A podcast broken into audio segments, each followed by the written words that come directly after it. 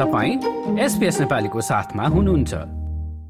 Indigenous voice to parliament जनमत संग्रह शनिबार चौध अक्टोबरका दिनमा हुँदैछ र भोइसले भोइसलाई मान्यता दिने वा नदिने भन्ने बारेमा अस्ट्रेलियनहरूले यस वा नो भनेर मतदान गर्दैछन् र भोइसले संविधानमा मान्यता पाउनका लागि डबल मेजोरिटी ल्याउनु आवश्यक हुन्छ।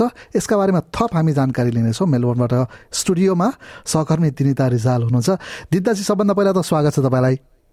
धन्यवाद कृष्णजी। र अब यो भोइसको कुरा गर्दाखेरि चाहिँ नि सबभन्दा पहिला एउटा उठ्ने प्रश्न छ यो डबल मेजोरिटी भनेको छ डबल मेजोरिटी भनेको चाहिँ के हो खासमा?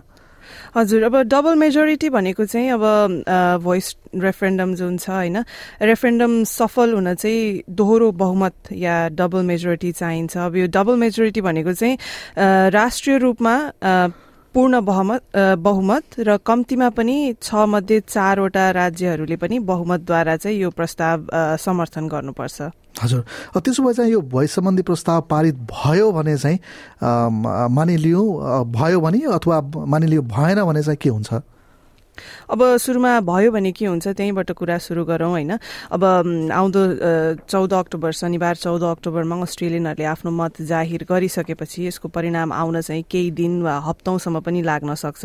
र भोइसलाई मान्यता दिने गरी नतिजा आयो भने चाहिँ सबैभन्दा पहिले चुनावी नतिजा चाहिँ गभर्नर जेनरल डेभिड हर्लीकोमा पुर्याइन्छ यसपछि भने बल्ल original and Torres Strait Islander भोइसको स्थापना र आदिवासीहरूलाई मान्यता दिने गरी संविधान संशोधन हुन्छ।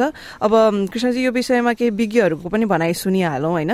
सुरुमा चाहिँ कन्स्टिट्युसनल ल एक्सपर्ट र मेलबर्न युनिभर्सिटीकी प्रोफेसर सेरिल सन्डर्सको कुरा सुनौ। उनी चाहिँ भन्छन् कि भोइस भनिने उक्त सल्लाहकार निकायले काम कसरी गर्छ भन्ने कुरा चाहिँ संसदले नै निर्धारण गर्नेछ। The next thing that will need to happen uh, is that legislation will need to be drafted. Uh, to set the voice up, provide for its composition and functions and so on. There will also need to be some uh, careful thought given within the government and parliament as to how it will relate to the voice and how uh, the answers to that will be reflected in legislation. हजुर अनि अब यो सबै प्रक्रिया चाहिँ कसरी अघि बढ्छ प्रक्रियालाई कसरी अगाडि बढाउने भनेर पनि छलफल भइसकेको छ होइन तर त्यो छलफल भइसके तापनि अब युनिभर्सिटी अफ सिडनीकी अर्की प्रोफेसर प्रोफेसर एन टुनी बताउँछिन् कि भोइस पारित भए तापनि संविधानमा भएको परिवर्तनलाई लागू गर्न र त्यसबाट खोजिएको परिणाम वास्तवमा देख्न चाहिँ वर्षौं नै पनि लाग्न सक्छ This might take a while. It could take a year, it could take. I would imagine that the Albanese government would want to get it done during this term of office just to make sure that it can complete the pro- project. In the past, establishing other bodies like the High Court of Australia did take a number of years from um, after the point at which the Constitution required them to exist. दिन्ताजी अनि यो चाहिँ भयो अब referendum double majority आएर voice पारित भयो भने के हुन्छ भन्ने कुरा तर यदि नो भोट आयो भने चाहिँ के हुन्छ त अनि हजुर अब नो भोट बढी आयो भने चाहिँ संविधान परिवर्तन हुँदैन होइन?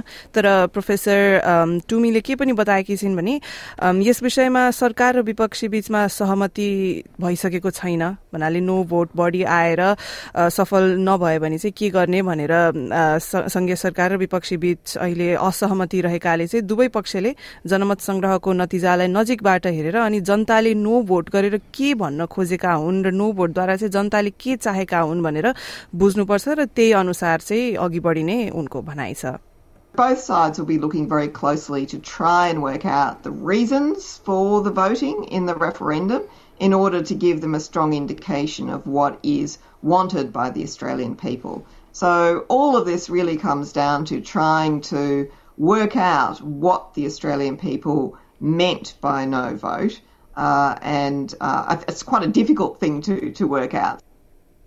र यसैमा अब अर्को कुरा पनि जोड्न चाहे कृष्णजी होइन।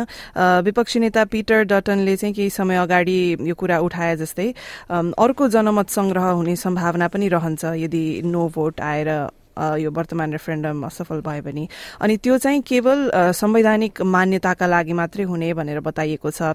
अनि अब यो सँगै प्रोफेसर सन्डर्सले के बताएका छन् त्यो पनि सुनिहालौँ। उनले चाहिँ के बताएका छन् भने फर्स्ट नेसन्स मानिसहरूसँग केही ट्रिटीहरू गरिनुपर्ने भन्ने जुन मागहरू पनि केही समयदेखि उठिरहेका छन् त्यसलाई चाहिँ भोइसको परिणामले कसरी असर गर्छ त भन्ने कुराको बारेमा पनि बहस भइरहेको छ। In a sense, that can happen, whatever the outcome of the referendum. Uh, whether it will or not, I think, uh, is uh, a matter for debate and a matter for wait and see. Even if there is political will uh, to move forward with treaty, uh, if the referendum fails, it's going to take a while.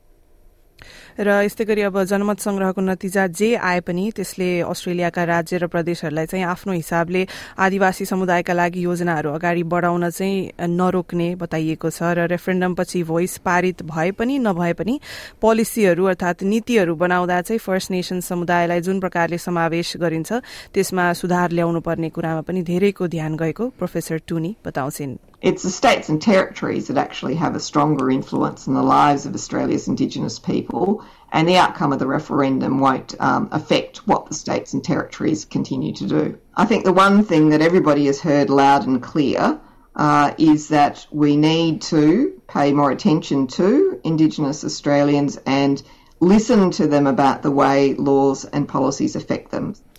र धेरै धेरै धन्यवाद दिनिताजी मेलबर्नबाट हामीलाई यति धेरै जानकारी दिनुभयो र एसपिएस नेटवर्क मार्फत इन्डिजिनियस भोइस टु पार्लियामेन्ट जनमत सङ्ग्रहका बारेमा जानकार रहन सक्नुहुन्छ। एसपिएस भोइस रेफरेन्डम पोर्टल मार्फत नेपाली लगायत साठीभन्दा बढी भाषामा लेख भिडियो र पोस्टकास्ट पोडकास्टहरू राखिएका छन् अथवा एसपिएस अन डिमान्डको भोइस रेफरेन्डम हबमा पनि यहाँहरू जान सक्नुहुनेछ। लाइक र कमेन्ट गर्नुहोस्। एसपिएस नेपालीलाई फेसबुकमा साथ दिनुहोस्।